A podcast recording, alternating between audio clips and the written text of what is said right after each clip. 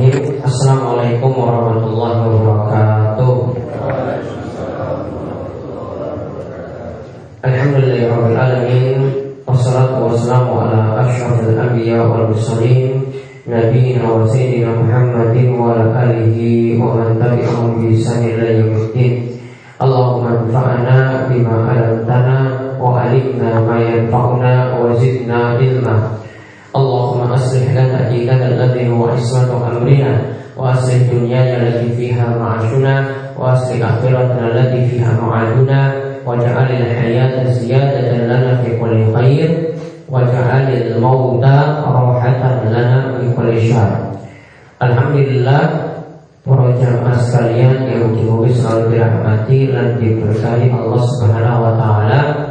Kita bersyukur kepada Allah Subhanahu wa taala atas nikmat yang telah Allah Subhanahu wa taala berikan kepada kita sekalian sehingga pada kesempatan pagi yang berbahagia ini selepas sholat subuh kita dipermudah untuk duduk di dalam majelis yang mulia yang menghubungi Allah Subhanahu wa taala terus menambahkan nikmat dan terus memberikan kesehatan kepada kita sehingga kita terus bisa melakukan ibadah dan kebaikan-kebaikan kepada Allah Subhanahu wa taala.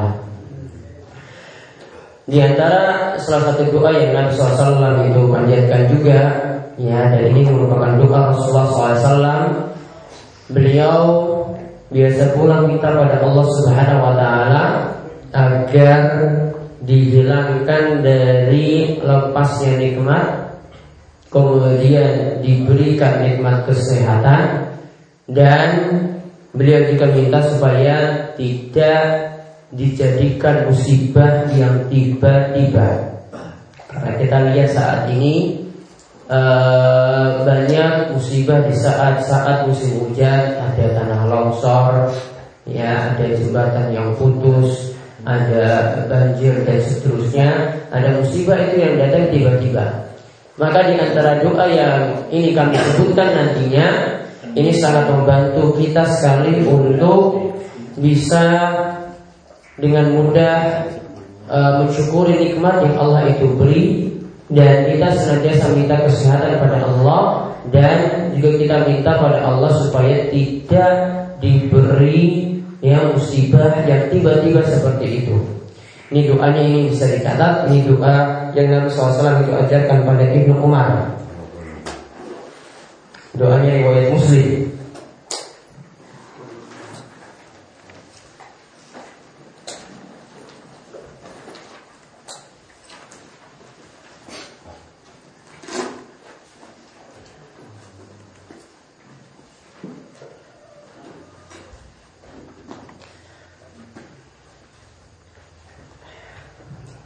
Doanya agar terus diberikan kesehatan. Ya, doanya itu agar terus diberikan kesehatan.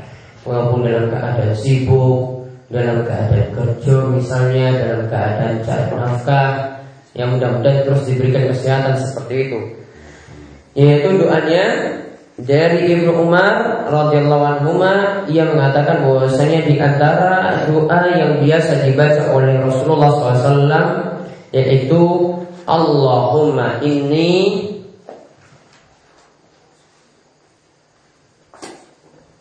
Allahumma inni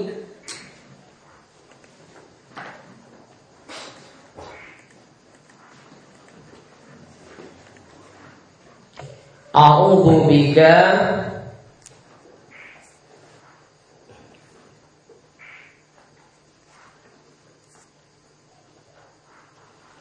min zawali ni'matik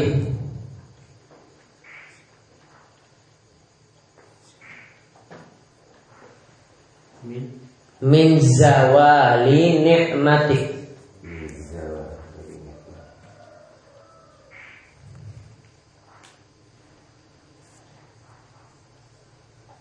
Wa tahawuli wa tahawuli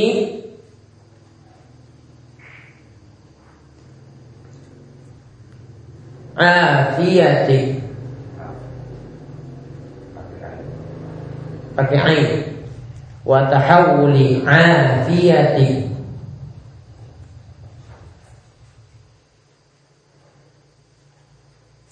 wa fuja atini matik. Wa fuja atini matik. Pakai kof wa fuja atini matik.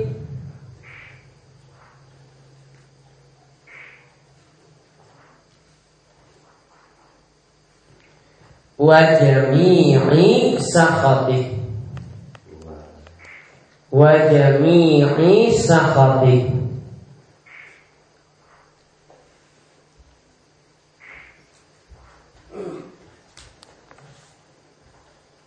Coba saya ulang. Allahumma inni a'udzubika min zawali nikmatik nikmat ya maksudnya. Nikmatik wa tahawuli afiyatik wa fujaati nikmatik wa jami'i sakhati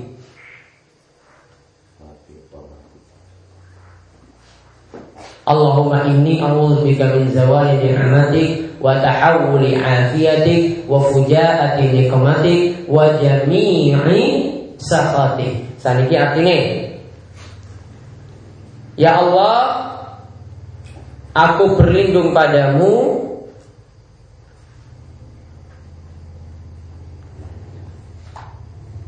dari hilangnya nikmat. Ya Allah, aku berlindung padamu dari hilangnya nikmat.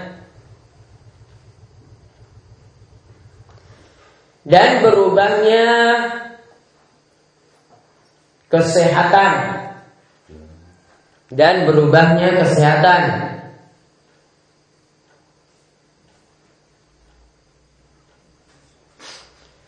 serta kedatangan siksa yang tiba-tiba.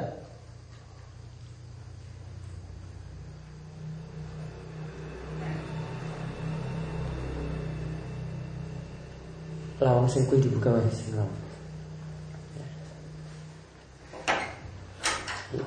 Dan dari semua murkamu dan dari semua murkamu. Ya Allah, aku berlindung kepadamu dari hilangnya nikmat. Dari kesehatan, dari berubahnya kesehatan atau dari kesehatan yang berubah. Kemudian dari kedatangan siksa yang tiba-tiba atau kedatangan musibah yang tiba-tiba. Kemudian dari semua murka. Hadis ini diriwayatkan oleh Imam Muslim. Jadi lihat situ ada empat hal berarti yang diminta. Allahumma inni a'udzubika min zawali ni'matik. Ya Allah, aku minta kepadamu ya, aku meminta perlindungan kepadamu supaya tidak hilangnya nikmat. Nikmat apa pun jangan sampai hilang. Ya, ada di situ nikmat sehat masuk, ada nikmat harta masuk, ada nikmat uh, umur yang barokah masuk, ada nikmat kita dalam nikmat melakukan ibadah juga masuk di dalamnya. Semua nikmat masuk di situ. Karena di sini dalam kaidah bahasa Arab disebut uh, mudhof mudhof ilaih, yaitu kalimat yang disandarkan pada kata yang lainnya. Ini dalam kaidah fikih disebut dengan kalimat yang sifatnya umum, jadi mencakup seluruh macam nikmat. Kemudian jangan sampai berubah kesehatan atau keselamatan. Artinya kesehatan yang sampai membuat kita itu sulit untuk beribadah. Jadi kita minta pada Allah juga di situ. Kemudian jangan sampai didatangkan musibah yang tiba-tiba. Karena musibah itu orang rata ya. Kalau itu dari orang ada kalau musibah itu untuk orang yang beriman berarti untuk meninggikan derajatnya. Kalau itu untuk pelaku maksiat itu adalah siksa. Ya ingat ya, posisinya itu berbeda. Kalau untuk pelaku maksiat, musibah itu jadi ya siksa. Namun bagi orang yang beriman, musibah itu jadi meninggikan derajat atau menghapuskan dosanya. Jadi ada musibah yang datang tiba-tiba yang kita tidak bisa menerimanya. Kita juga minta pada Allah supaya tidak diberikan musibah yang tiba-tiba seperti itu. Contoh yang kita lihat belakangan ini kan ada tanah longsor. Ya toh, dan pun di Banjar, ya Banjar negara. Kemudian ada banjir yang tiba-tiba datang, ada jembatan yang tiba-tiba putus. Ya musim hujan ini banyak musibah-musibah yang tiba-tiba itu datang. Dan itu rata-rata ya kalau mau ditelusuri itu rata-rata gara-gara maksiat. Paling di situ ya sudah muncul prostitusi, seks bebas. Paling di situ sudah muncul ya bar-bar tempat minuman keras atau bentuk-bentuk yang lainnya sehingga ketika itu ya datang musibah-musibah yang berat seperti itu. Kemudian wajah sakotik dari segala murkamu Yaitu segala macam murka dari Allah Siksa dari Allah Kita minta perlindungan pada Allah Baik itu murka di dunia Maupun nanti murka di akhirat. Jadi monggo itu bisa diamalkan. Ini sebagai pelengkap ketika kita minta pada Allah doa keselamatan di dunia dan di akhirat karena keselamatan di dunia dan di akhirat itu bisa jadi kita minta pada Allah adalah kesehatan dan seterusnya. Bisa jadi kita minta juga supaya tidak dihilangkan nikmat dan juga tetap kita diberikan kesehatan seperti itu dan tidak diberikan musibah yang tiba-tiba. Jadi ingat doa ini di antara doa yang Nabi SAW itu amalkan. Allahumma inni a'udzubika min zawali ni'matik wa tahawuli afiatik uh, wa fujaati niqmatik wa jami'i saqatik. Insyaallah nanti bisa dihafal biar diberi sehat terus ya dan tidak diberikan musibah yang tiba-tiba. Nah saat ini kita lihat pembahasan kita Kita nanti bahas dua bab Kita rampungkan tinggal sedikit pembahasan yang kemarin tentang Dosa besar minum khamar atau minum minuman keras walaupun tidak sampai mabuk. Baru nanti kita bahas tentang satu pembahasan lagi dosa besar nomor 15 yaitu tentang sifat sombong.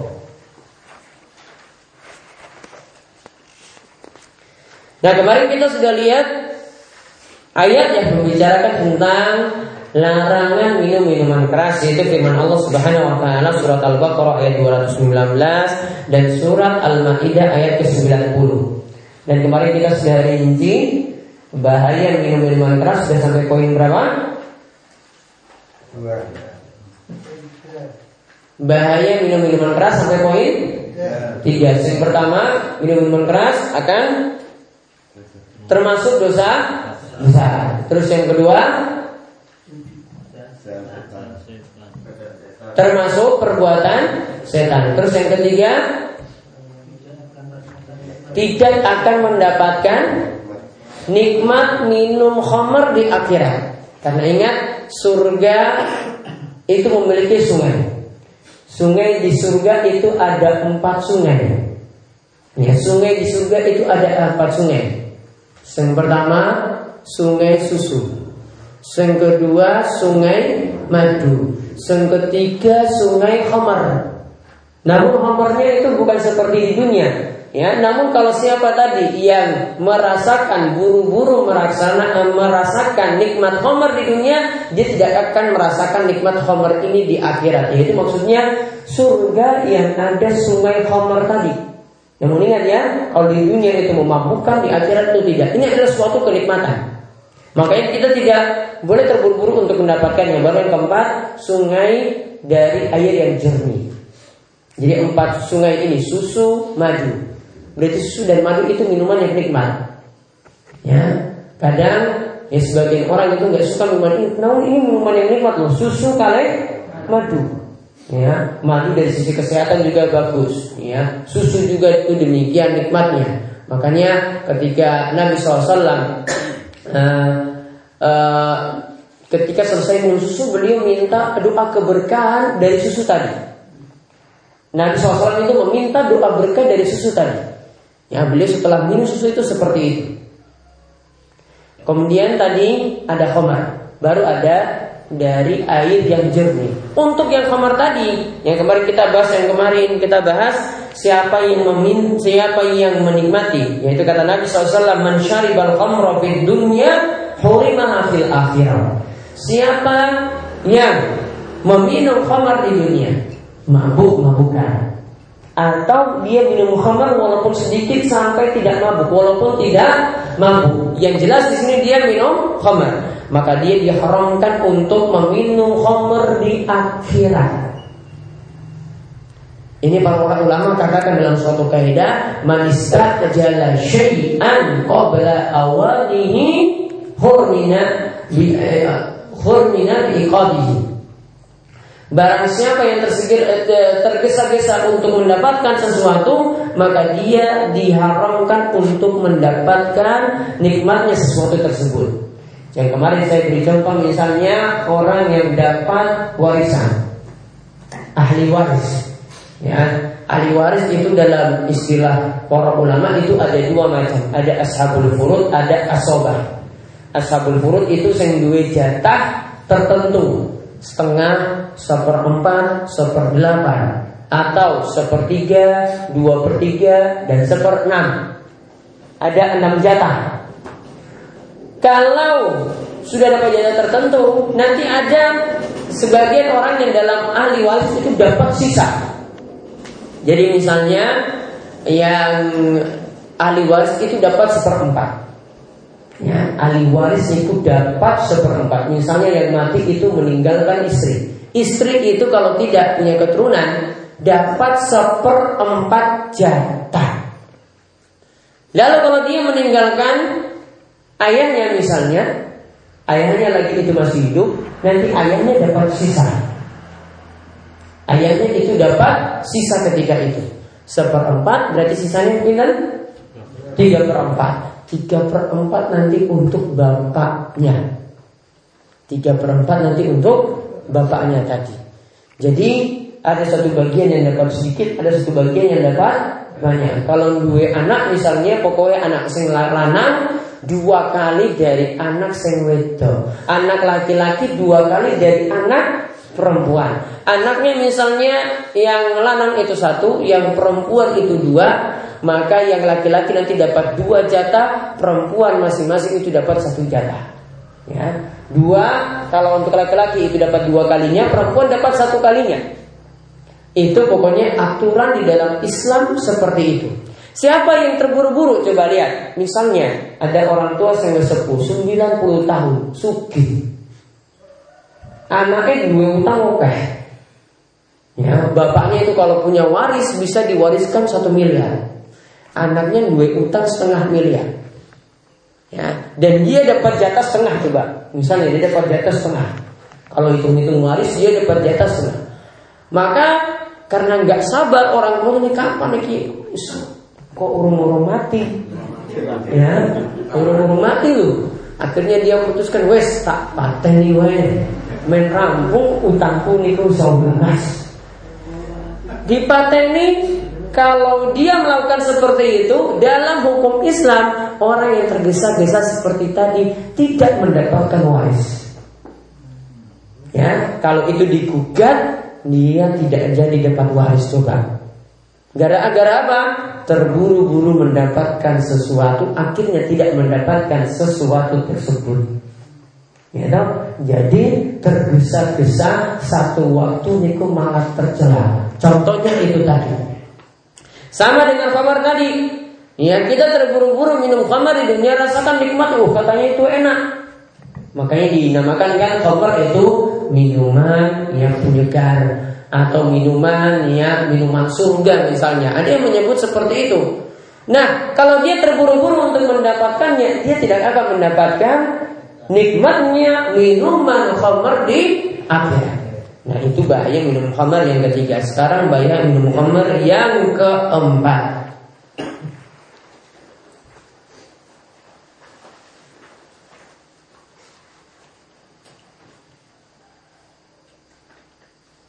Khamar dijadikan sejajar dengan syirik Khamar dijadikan sederajat dengan syirik.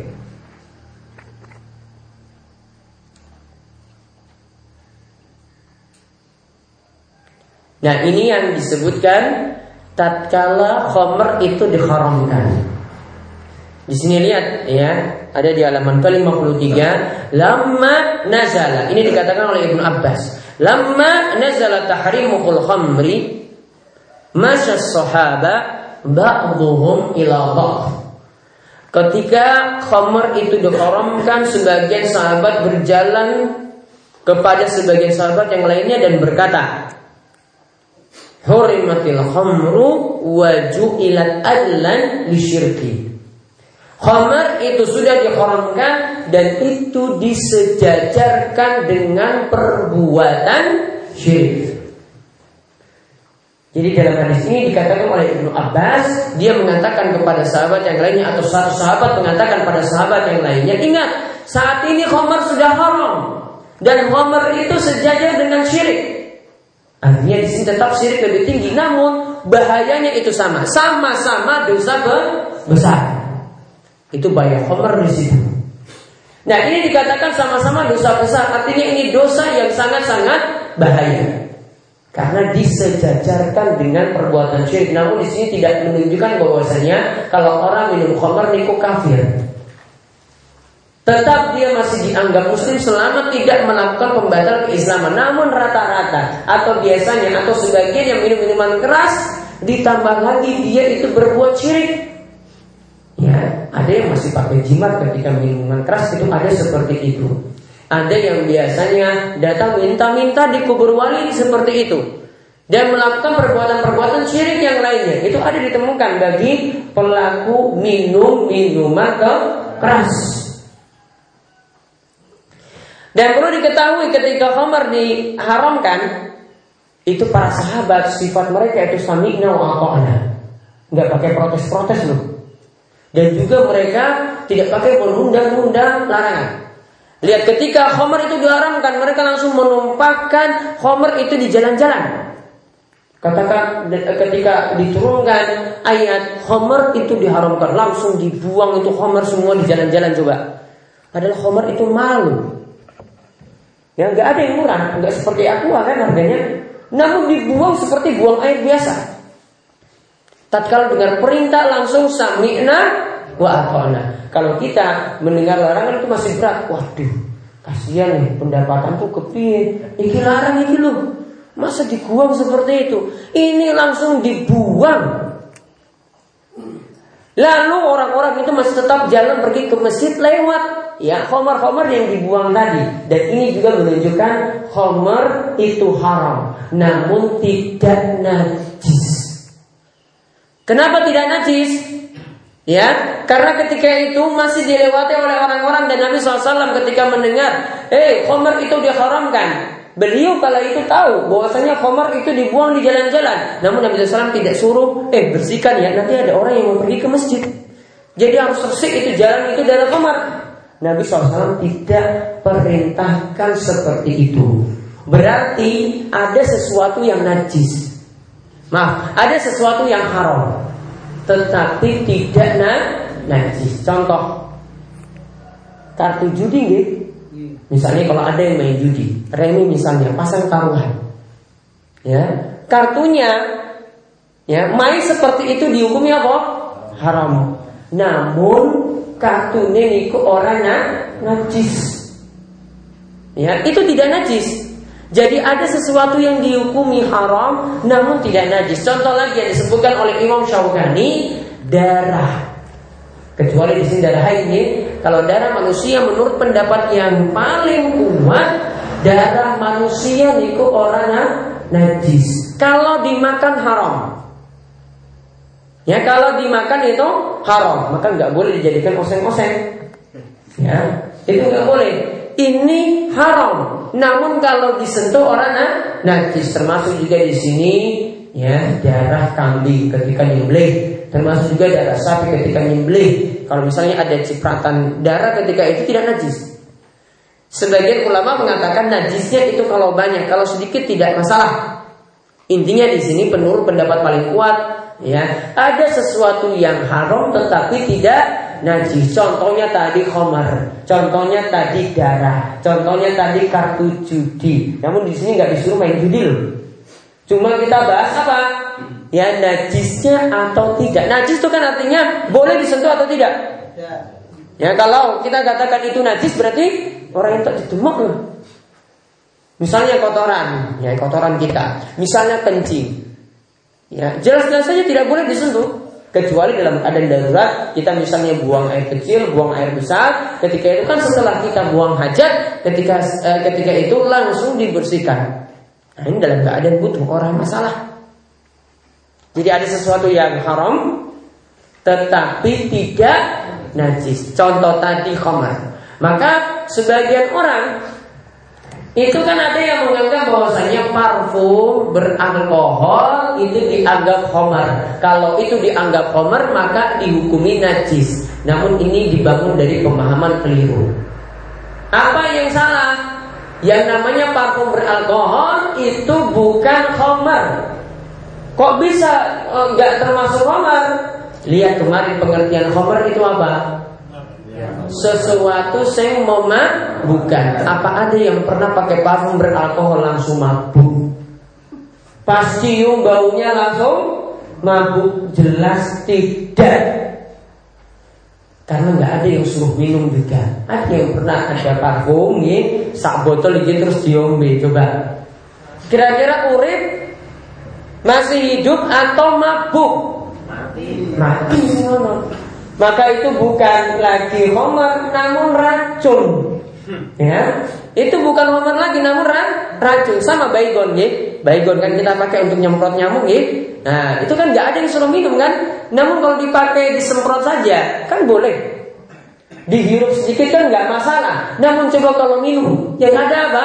Bukan mabuk lagi, mati. Maka itu racun. Racun namun dipakai kita pakai untuk nyemprot ruangan sama. Parfum tadi kita pakai untuk nyemprot baju. Maka nggak masalah kalau mengandung alkohol. Jadi segala sesuatu yang mengandung alkohol kalau dipakai di luar tubuh itu belum tentu termasuk homer. Kalau tidak memabukkan ya tidak termasuk homer. Makanya tidak ada masalah menggunakan parfum beralkohol. Sama juga kalau kita pakai alkohol antiseptik. Ngertos alkohol antiseptik sing dinggo luka itu loh atau bisa ada yang dipakai untuk cuci tangan, ada mengandung alkohol juga. Kalau yang dipakai untuk luka, itu alkoholnya pinter persen? Berapa? Di atas 70 pokoknya. Itu lebih mematikan lagi loh. Kalau tadi miras itu cuma 15 persen, ini 70 bukan lagi ini lagi mabuk lagi jelas-jelas langsung semaput mati ya ini dahsyat lagi. Makanya ada uh, apa miras oplosan itu ada yang dibuat di atas 50% jelas itu. Jelas kalau tidak masuk rumah sakit ya langsung mati di tempat. Ya atau masuk kubur oh, masuk langsung dikubur hidup itu ya. Itu mati itu kalau tidak langsung masuk rumah sakit itu mati di tempat. Karena di atas 50% ini orang wajar untuk dikonsumsi. Karena yang biasanya tinggi-tinggi itu cuma 40% atau 45% Di atas 50 itu nggak ada yang dikonsumsi. Kalau sampai ada miras oplosan yang di atas 50% Jelas mati. Nah itu yang keempat. Jadi disejajarkan dengan syirik. Kemudian yang kelima Bahaya khamar itu adalah dikatakan di dalam hadis khamar pelakunya diberi hukuman cambuk.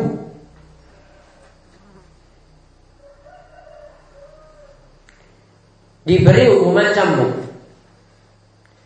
Dan jika diulangi sampai empat kali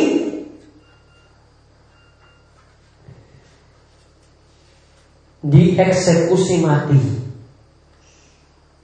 Dalam hukum itu dieksekusi mati. Faktulu, dieksekusi mati.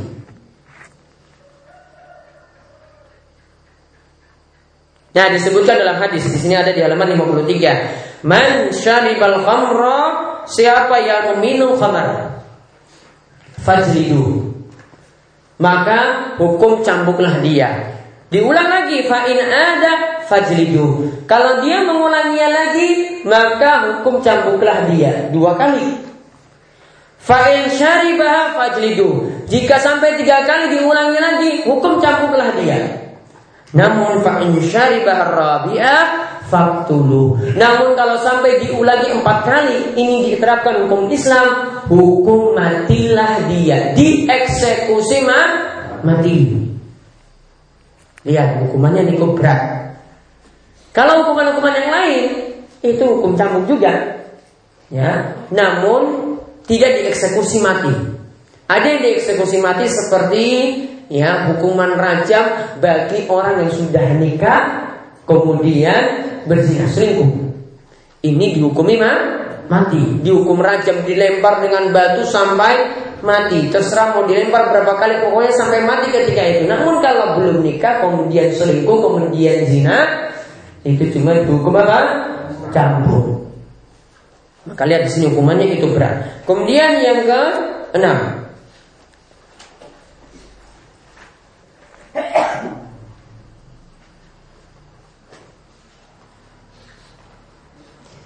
Orang yang meninggalkan sholat karena mabuk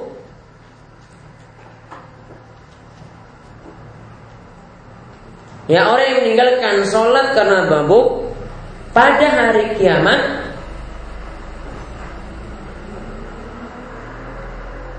dia akan diberi minum dia akan diberi minum dari darah dan nanah. Orang yang meninggalkan sholat karena mabuk. Jadi dua dosa dia lakukan berarti. Maka pada hari kiamat atau di neraka jahanam dia akan diberikan minuman dari darah dan nanah.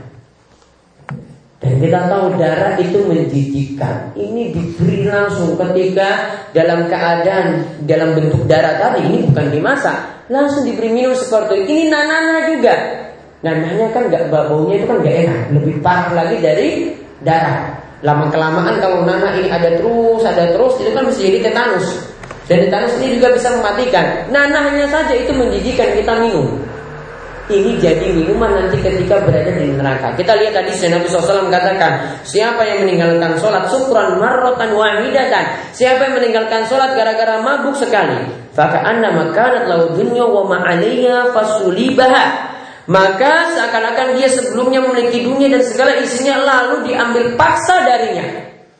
Jadi dunianya nanti diambil ketika itu. Wa man taraka sholat arba Siapa yang meninggalkan sholat empat kali ya dalam keadaan mabuk.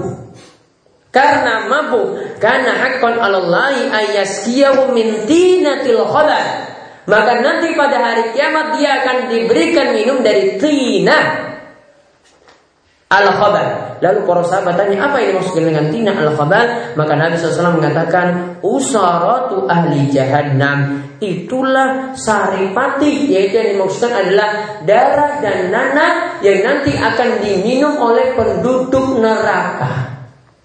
Itu akan diminum oleh penduduk neraka jahanam. Siksanya sangat-sangat pedih. Kemudian yang ketujuh, yang ketujuh, orang yang menjadi pecandu minuman keras akan bertemu pada Allah akan bertemu pada Allah di hari kiamat seperti penyembah berhala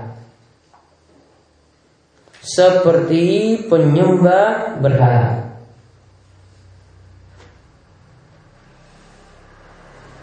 Di dalam hadis dikatakan mudminul khamri in mata laqiyallahu ka'abidi wasan. Orang yang jadi pecandu minuman keras jika dia mati maka akan berjumpa Allah ka'abi diwasan seperti orang yang jadi penyembah berhala. Kalau karena pecandu minuman keras itu sangat-sangat mengagumkan mirasnya seperti mengagumkan penyembah berhala, mengagumkan berhala.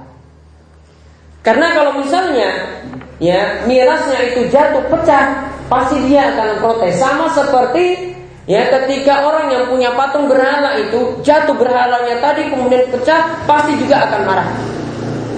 Kondisinya seperti itu. Artinya sangat cinta pada minuman keras. Itu di antara bahaya yang lainnya lagi. Jadi totalnya itu ada berapa? Tujuh ya dan itu semua menunjukkan homer intinya kalau kita minum itu termasuk ya pelaku dosa besar. Ini menunjukkan bahayanya dan siksaan di akhirat itu benar-benar pedih bagi pecandu minuman keras. Dan ingat minumnya di sini walau sedikit kalau tidak mabuk pun ketika itu tetap mendapatkan hukuman. Nah sekarang kita masuk ke dosa besar ke 15 yaitu tentang sombong, bangga diri, angkuh, ujuk dan congkak. Saya cuma bahas sebagiannya saja dan nanti kita melihat satu ayat di sini tidak disebutkan, nanti saya akan menyebutkan tentang kisah korun. Namun sebelumnya kita pahami dulu apa yang dimaksudkan dengan sombong. Sombong itu secara bahasa berasal dari kata azamah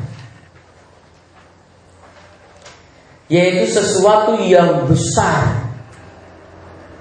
Sombong itu berasal dari kata azama yang artinya sesuatu yang besar. Jadi orang yang sombong itu selalu merasa dirinya itu besar. Yang lain itu kerdil, yang lain itu cilik. Padahal walaupun orang yang sombong dia kalau berada di atas bangunan yang tinggi, ya di atas bangunan yang tinggi tetap terlihat apa? Kecil, kan? Ya.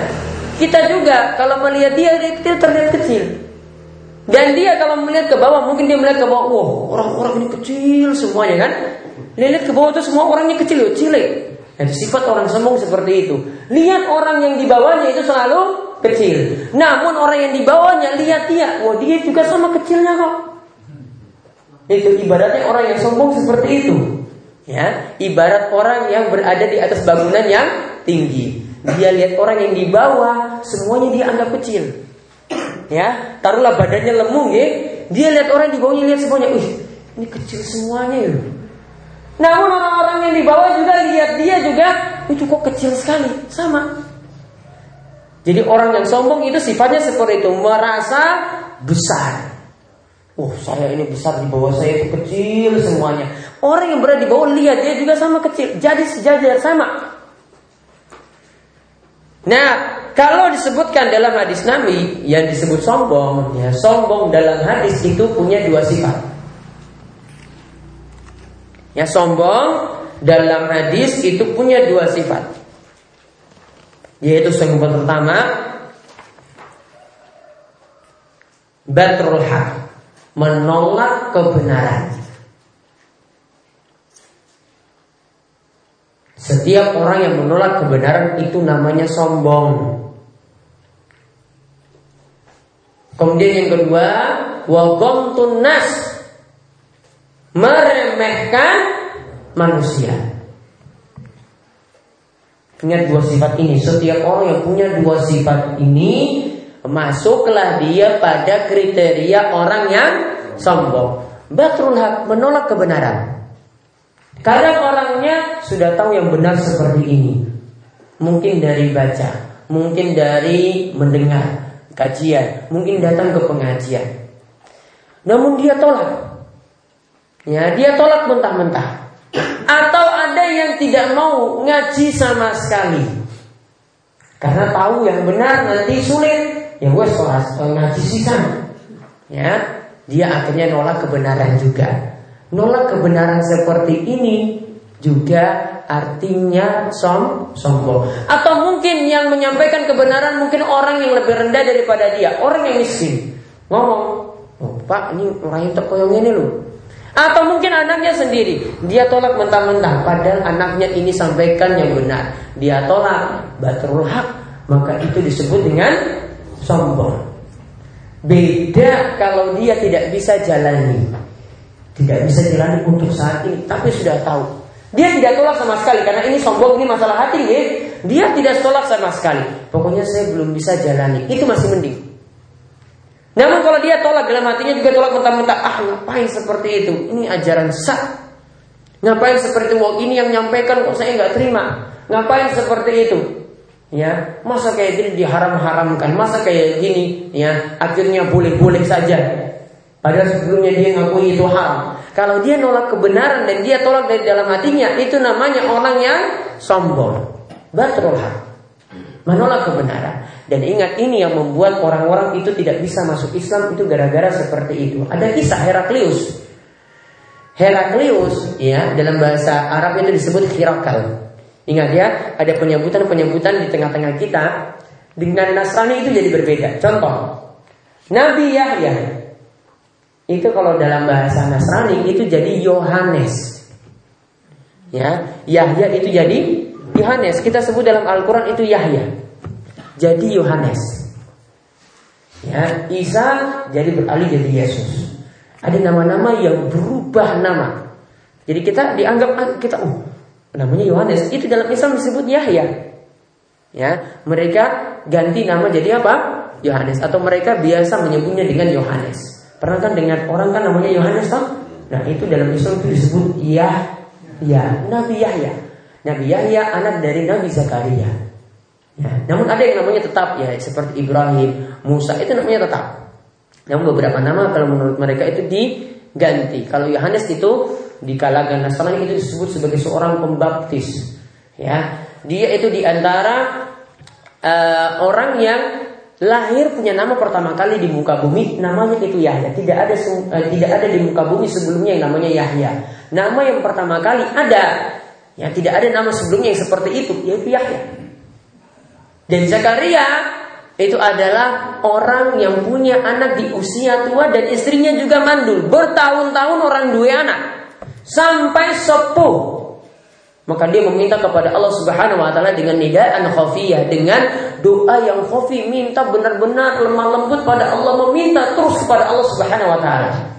Dia tidak pernah putus asa. Akhirnya datanglah malaikat beritahu kepada dirinya bahwasanya wahai Yahya, wahai Zakaria, engkau akan diberikan anak yang namanya Yahya dalam usia yang sudah tua seperti itu. Dalam suatu doanya dia sebutkan, la taj'alni fardah wa anta khairul warisin. Ya Allah, janganlah buat aku hidup seorang diri. Artinya tidak punya keturunan itu buat orang susah loh. Sampai dia katakan apa? Jangan buat aku hidup seorang diri. Padahal dia hidup dengan orang lain juga. Ada istrinya di situ, ada tetangga-tetangganya di situ juga. Namun kalau orang dua anak itu biasanya susah. Makanya kalau punya anak itu syukuri. Walaupun satu itu tetap di, disyukuri. Jangan banyak protes. Jangan menganggap wah anakku ini nakal, anakku ini susah diatur. Jangan. Kalau wes dua anak malah syukuri. Nanti tinggal dididik. Ini lihat, Zakaria nggak punya anak, dia itu merasa susah sekali. Sampai tua pun tetap meminta supaya punya anak. Maka Allah katakan kepada Zakaria, kalau kamu nggak punya anak, ya, sedangkan kamu punya istri saja, itu nanti bisa aku datangkan anak lihat Adam. Sebelumnya kan tidak punya pasangan kan hidup seorang diri kan. Akhirnya itu punya anak ya. Dan ketika itu baru punya keturunan. Ini seorang diri saja masih bisa punya keturunan. Ini kamu punya pasangan. Dan ini dibicarakan dalam surat Maryam. Dikisahkan lagi tentang Maryam. Maryam juga itu lahir tanpa seorang suami punya keturunan juga dengan izin Allah Subhanahu wa taala. Sudah pernah saya jelaskan juga kisah nanti suatu waktu kita bahas tentang kisah dari surat Maryam, itu ada kisah Zakaria di situ, ada kisah Maryam di situ dan ada nabi-nabi yang lainnya. Nah, kita lihat tadi yang namanya kita kembali yang namanya sombong sifat yang pertama adalah batrul hak yaitu menolak kebenaran. Kemudian sifat yang kedua itu apa? meremehkan manusia. Jadi tadi seperti saya katakan tadi dia berada di bangunan yang tinggi, melihat orang yang di bawahnya selalu kecil. Artinya dia menganggap remeh. Ada orang yang miskin, dia perlakukan beda dengan orang yang kaya. Ada orang yang susah, dia perlakukan beda dengan teman dekatnya. Ya, ada orang yang tidak punya apa-apa, dia selalu meremehkan. Dia selalu merendahkan. Itu namanya sifat sombong. Kalau kita ingin menjauhkan dari sifat tersebut maka haruslah kita sama ratakan orang yang kita dengan orang lain itu sama. Lihat tadi orang yang berada di atas bangunan yang tinggi tetap juga dianggap kecil oleh orang yang jauh. Jadi sama-sama ke kecil. Yang punya sifat sombong ini yang pantas itu adalah Allah Subhanahu wa taala. Tidak boleh manusia punya sifat seperti itu. Nah, satu kisah di sini saya sebutkan dari surat Al-Qasas. Ya, nanti bisa dilihat surat Al-Qasas ayat ke-76 sampai ke-82 tentang kisah Korun. Kita selalu menemukan harta yang terpendam itu biasa kita sebut dengan apa? Korun. Padahal korun itu belum tentu hidup di warak. Namun kalau ada emas satu kilo misalnya, pasti nanti disebut, wow saya dapat harta korun. Ini menunjukkan kalau orang itu punya harta banyak, itu biasa disifati dengan korun yang hidup di masa silam. Namun jangan kira korun itu ya kaya itu bahagia, tidak. Namun kita lihat di sini satu ayat yang sebutkan bagaimanakah kayanya korun. Allah Subhanahu wa taala berfirman yang mulai dari dari ayat ke-70 Inna qaruna kana min qaumi Musa. Fabagha alaihim. Korun itu adalah dari umat Musa. Dan jadi masuk keturunan Bani Israel. Ya kemudian dikatakan ya fabagha alaihim dan Korun itu sangat-sangat sombong kepada rakyatnya. Ya, dia tidak mau mengindahkan kebenaran dan dia benar-benar meremehkan orang lain dengan hartanya. Dan dia menganggap suatu nikmat yang diberikan kepada dirinya yaitu berupa harta itu bukan Allah yang beri, namun hasil dari kemampuan dirinya sendiri. Nanti kita lihat. Kemudian dikatakan di sini ya Wa atainahu minal kunuzi ma inna mafatihahu latanu bil usbah. Di sini dikatakan bahwasanya dan kami berikan kepada korun perbendaraan harta. Dan lihat yang namanya kunci dari hartanya, dia kan punya gudang harta. Ya, kalau sini itu nggak ada yang punya gudang harta seperti ini. Jadi dia punya satu gudang harta punya kunci yang berat untuk dipikul. Lihat ya, para ulama katakan beratnya itu seperti apa kuncinya. Kuncinya ini, lihat kuncinya saja kalau ingin dipikul. Ya, kita kan gur tenteng kan Iya kan? Ada saat kan gur remote.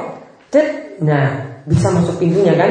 Ini kuncinya. Dulu kalau dipikul itu oleh minal asyar ila tis'ah ila sarah ini kalau dipikul itu bisa sampai 10 orang. Coba lihat di sini dipikul oleh orang yang kuat-kuat. Taruhlah orang ngomong sebelum mulu. Semikul kuncinya ini 10 orang. Ya, satu orang misalnya, satu orang itu beratnya 100 kilo. Ini 10 orang pegang kuncinya tok. Masya Allah. Ini para ulama katakan Ini kuncinya tok loh. Ini dipikul oleh 10 orang yang besar-besar. Maka coba Fama zonuka bil janais. Fama zonuka bil khazai. Maka coba bayangkan Hartanya itu koyo apa coba? Ini kuncinya saja dipikul oleh 10 orang. Saya rasa ini kalau ya satu panggang pun ini hartanya ke orang kamot loh. Ya, ini 10 orang semikul coba. Hartanya itu kayak apa? Kuncinya saja besarnya seperti itu, hartanya itu seperti apa? Itu nggak bisa dibayangkan lagi. Maka iskola lahu kaumahu. Maka ketika itu ya Korun itu mengatakan kepada kaumnya, ya ulil kuah itu diangkat tadi oleh orang-orang yang kuat. Iskola lahu kaumuhu la tafrah. Maka ketika itu kaumnya katakan kepada si Korun, wahai Korun, kamu itu jangan sombong lah. Ya, cuma segitu saja kamu itu sombong sekali. Kamu janganlah sombong, janganlah bangga. Ya, Innallaha la yuhibbul farihin. Sesungguhnya Allah itu tidak menyukai orang-orang yang sombong. Kaumnya katakan kepada Korun seperti itu. Lalu ada yang menasihati Korun, ya, ada yang menasihati Korun dengan mengatakan wabtagi fi daral akhirah. Maka ingatlah Korun, raihlah yang ada pada sisi Allah dengan apa yang engkau miliki di dunia. Raihlah akhirat dengan apa yang engkau miliki di dunia. Gunakanlah hartamu itu sebenarnya untuk kehidupan akhirat. Wala tanza nasibaka minat dunia. Dan janganlah engkau ya tinggalkan nasibmu di dunia.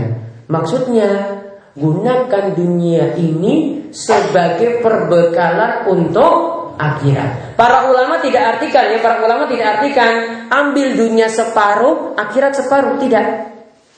Namun para ulama tafsirkan ayat ini dengan mereka katakan gunakanlah dunia untuk akhirat. Jadi di sini kita tidak diperintahkan untuk kejar-kejar dunia supaya jadi separuh, akhirat jadi separuh tidak. Ini banyak yang salah paham. Oh, lihat di sini mulatan sana si bakamina dunia. Janganlah engkau lupakan kehidupanmu itu di dunia. Ini maksudnya gunakan dunia untuk akhirat. Ini yang dimaksudkan dalam ayat ini. Jadi dunia ini kita gunakan harta kita, mobil kita, ya simpanan kita, semuanya ini adalah untuk persiapan kita di akhirat, rumah kita. Ini adalah sebagai persiapan di akhirat. Jangan cuma dunia saja yang dikejar sampai akhirat itu dilupakan. Ini ada yang nasihati korum seperti itu. Kemudian disebutkan lagi dalam ayat ini wa ahsin kama ahsanallahu ilaik. Berbuat baiklah sebagaimana Allah berbuat baik untukmu. Wala tabghil fasada fil ard. Janganlah buat kerusakan di muka bumi. Berarti orang yang sombong itu berbuat kerusakan di muka bumi. Innallaha la yuhibbul mufsidin. Sesungguhnya Allah itu tidak menyukai orang-orang yang berbuat kerusakan. Kemudian disebutkan lagi dalam ayat selanjutnya qala inna ma utituhu ala ilmin indi.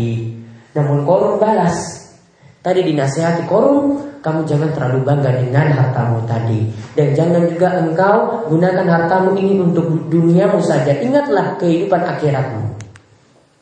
Korun jawab. Dinasihati seperti itu dia tidak terima loh. Dia malah jawab apa? Dia menolak kebenaran, kemudian dia katakan, Inna uti tuhala ilmin indi. Harta yang penuh seperti ini aku dapatkan karena ilmu yang aku miliki. Artinya dia jawab, aku iki wong pinter. Aku iki wong pinter ilmuwan dan dia itu ilmuwan. Konon ada yang katakan bahwasanya dia itu ahli kimia. Ya, konon itu ahli kimia. Dengan ilmunya itu tadi Dia punya harta yang banyak Ya Atau di zaman ini kita dapat katakan bahwasanya Dia itu seorang profesor lah dia dapat harta banyak dari ilmunya tadi, maka dia cuma mengatakan, tidak mengatakan, ah ini karena Allah Subhanahu Wa Taala yang beri. Namun dia katakan bahwasanya ini aku dapat karena aku iki wong pin pinter. Akhirnya dia ditenggelamkan dengan harta hartanya tadi. Ya nanti tentang kisah korun, kisah akhirnya itu bagaimana nanti insya Allah akan kita lihat pada pertemuan berikutnya. Ya jadi ingat sifat sombong itu maksudnya adalah batrul haq wa nas yaitu meremeh uh, yaitu menolak kebenaran dan meremehkan manusia. Tadi saya sebutkan satu kisah tentang korun. Ini adalah satu kisah orang yang sombong di mana dia sombong karena harta yang dia miliki tadi dan dia sombong cuma menganggap bahwasanya hartanya tersebut didapat karena dari dirinya sendiri bukan Allah yang beri dari dirinya sendiri. Artinya dia menganggap dia itu pintar sehingga dapat banyak harta seperti itu. Artinya di sini jangan tiru seperti korun. Setiap harta yang kita miliki sandarkanlah pada Allah. Kita katakan Allah itu yang beri nikmat kita punya usaha Allah yang beri nikmat. Kita punya pekerjaan Allah yang beri nikmat. Jangan kita katakan bahwasanya seperti koron tadi. Wah aku ini memang mau suki. Wah aku ini memang keturunan wong suki. Wah aku ini memang mau pinter. Jangan. Jangan nanti nasibnya sama seperti koron punya nasib hidup yang jelek seperti itu. Dan mudah-mudahan Allah Subhanahu wa taala menjauhkan kita dari sifat sombong dan kita diberikan sifat yang tawadhu rendah diri dan juga kita semakin bersyukur dengan menyadarkan nikmat seluruhnya kepada Allah Subhanahu wa taala. Moga di antara para jamaah ada yang ingin ditanyakan, kami persilahkan. Pak Isan. Apabila kita meninggal dunia maka di akhirat kita tidak akan mendapatkannya. Nah, ketika kita sadar ya kita tobat. artinya dalam kehidupan kita minum kita tersadarkan taubat. Kan kita meninggal. Akankah kita akan merasakan Homer di akhirat? Kalau tobatnya niku jujur. Maka kata Nabi SAW Man taba minazambi kaman la lahu. Siapa yang bertobat dari dosa ini untuk seluruh perbuatan maksiat nih, termasuk juga kalau orang itu murtad benar-benar kembali lagi pada agama Islam atau orang berbuat syirik kemudian bertobat dari perbuatan syiriknya atau lakukan dosa besar seperti minum khamar tadi. Dia bertobat. Maka kata Nabi SAW Seperti orang yang tidak pernah berbuat dosa itu sama sekali Artinya dosanya jadi kosong lagi Dia bertobat dosanya jadi kosong lagi. Jadi sebelumnya itu kacanya itu hitam kotor. Dia dengan tobat kacanya tadi jadi bersih lagi. Dia bisa gunakan untuk melihat wajahnya.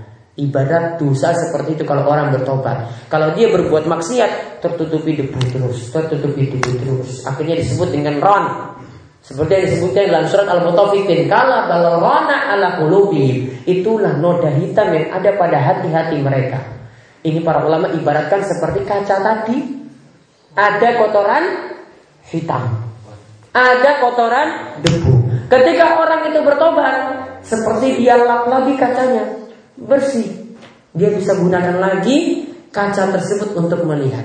Berarti orang yang bertobat dari dosa seperti tidak pernah berbuat dosa itu sama sekali. Kalau dia bertobat dari khamar tadi, insya Allah di akhirat masih bisa minum dari sungai yang rasanya adalah rasa khamar tadi. Masih bisa minum dari sungai khamar tadi. Ya, jika tobatnya itu adalah tobat yang jujur. Ada lagi para jamaah Pak Yati.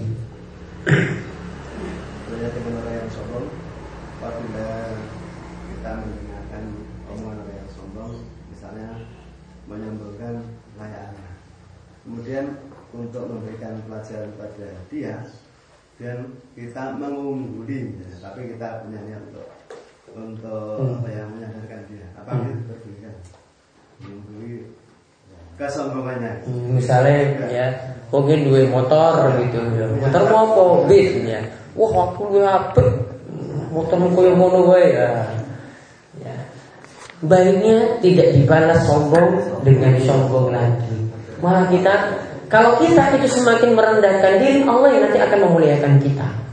Ingat ya, kalau kita semakin merendahkan diri, Allah yang nanti akan memuliakan kita. Kita tidak perlu dimuliakan oleh orang yang sombong tadi. Kita tidak perlu kita tidak perlu dianggap lebih daripada dia oleh dia.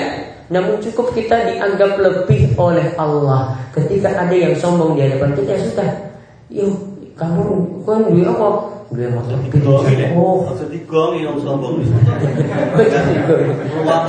Rokok gimana? Wes cukup seperti itu. Ya, biar nanti Allah yang balas. Tadi korun tadi kan dia sombong kan? Cukup tadi apa? Dinasihati. Orang-orang yang tadi yang ada nggak bangga lagi dengan wah saya punya lebih daripada itu. Tidak. Tadi cuma dikatakan dinasihati malahan. Ya kamu itu jangan sombong seperti itu ya. Kemudian diingatkan hartamu ini harusnya digunakan untuk akhirat orang san kasih bahkan minat dunia jangan kamu lupakan duniamu. Maksudnya duniamu ini hendaklah digunakan untuk ak akhirat. Jadi baiknya sombong tidak dibalas dengan sombong. Ya dan ini penyakit masyarakat sebenarnya. Ada lihat tetangganya seperti itu wah pingin lagi luwe. Wah luwe motor seperti itu. Ya pingin lagi sesok ini tak kredit gue nih sesok. Ya malah susah lagi dia kredit lagi kan. Cuma gara-gara sakit hati saja. Coba lihat nambah utang.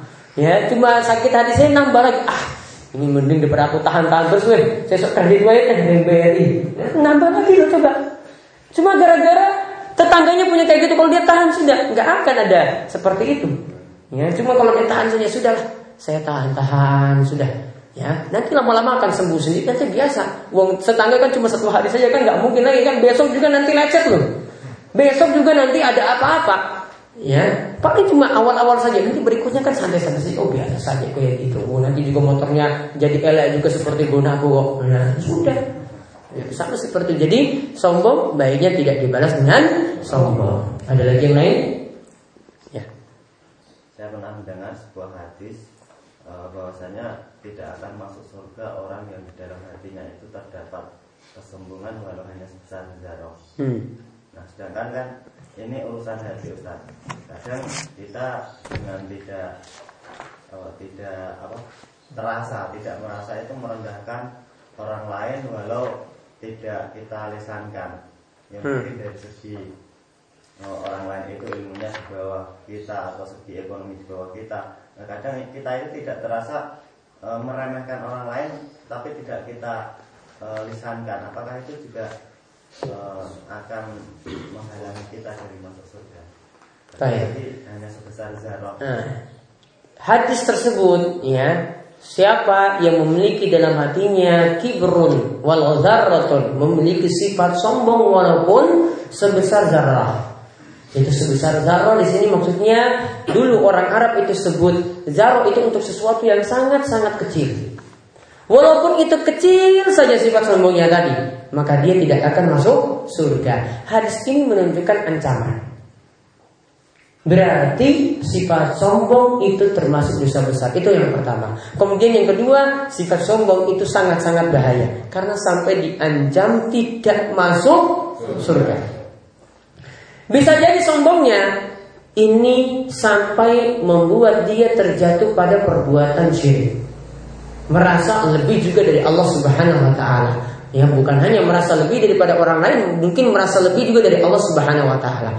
Jika punya sifat seperti itu, ini jelas masuk neraka kekal di dalamnya. Namun kalau sifatnya seperti tadi, ini menghalanginya masuk neraka sementara waktu.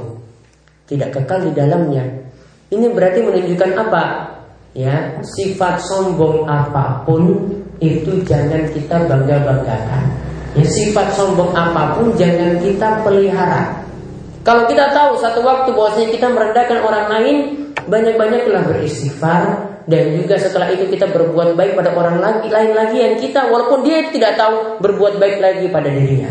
Sehingga sifat sombong itu akan hilang pada diri kita. Banyak istighfar, Kemudian kalau kita punya kelebihan harta, berikan pada dirinya. Sehingga kalau kita makin memberi, sifat sombong yang ada ini akan keluar. Makanya kita itu dalam Islam dianjurkan tunaikan zakat dan dianjurkan banyak sodako. Kenapa kita dianjurkan banyak sodako? Kalau kita beri kepada orang lain, maka harta yang kita miliki ini, ya harta yang kita miliki ini kita anggap wah ini biasa-biasa saja, ini jadi milik orang lain juga, atau ini ada orang yang berhak mendapatkannya. Kalau kita rajin beri, sudah rasa sombong itu akan hilang. Jadi tutup dengan banyak istighfar dan tutup juga dengan banyak sodako. Nabi SAW mengatakan wasodako tutfiul khoti'ah kama yutfiul ma'una. Sifat tadi gemar sodako tadi itu ya akan memadamkan api akan memadamkan kesombongan, akan memadamkan dosa. Sebagaimana air itu kalau disiram pada api, apinya itu bisa padam. Jadi sodako tadi akan menutupi sifat dosa tadi yang kita perbuat di antara dosa tadi adalah kesombongan tersebut maka tutup segera ya dengan istighfar dan banyak sodako. Insya Allah nanti akan merasakan bagaimana sifat sombong tadi bisa hilang dari diri kita. Ada lagi? Ampun ya untuk pertemuan minggu depan kosong libur satu hari nanti insya Allah akan kita bertemu lagi pada pertemuan berikutnya dua minggu ke depan. Sedangkan malam Kamis tetap ada seperti biasa ya yang libur cuma minggu depan toh kajian paginya dan nanti kajian untuk yang bapak-bapak yang malam Senin juga minggu depannya nanti malam itu pertemuan terakhir. Ya ini kemauan untuk pertemuan kita pada pagi hari ini mudah-mudahan bermanfaat. Mudah-mudahan Allah Subhanahu wa taala memberikan kita terus kesehatan menjauhkan kita dari hilangnya nikmat dan menjauhkan kita dari musibah yang tiba-tiba. Kita juga dijauhkan dari sifat sombong diberikan sifat yang tawadu dan terus bisa menyayangi sesama kita dan mudah-mudahan Allah memberikan kita istiqomahan dalam beramal dan juga di dalam mendakwakan kebaikan pada orang lain. Jadi kemauan kita tutup yang doa doa kepada majelis semoga subhanallahumma wa bihamdika asyhadu an la ilaha illa anta astaghfiruka wa atubu ilaik. Alhamdulillahirabbil. Assalamualaikum warahmatullahi wabarakatuh.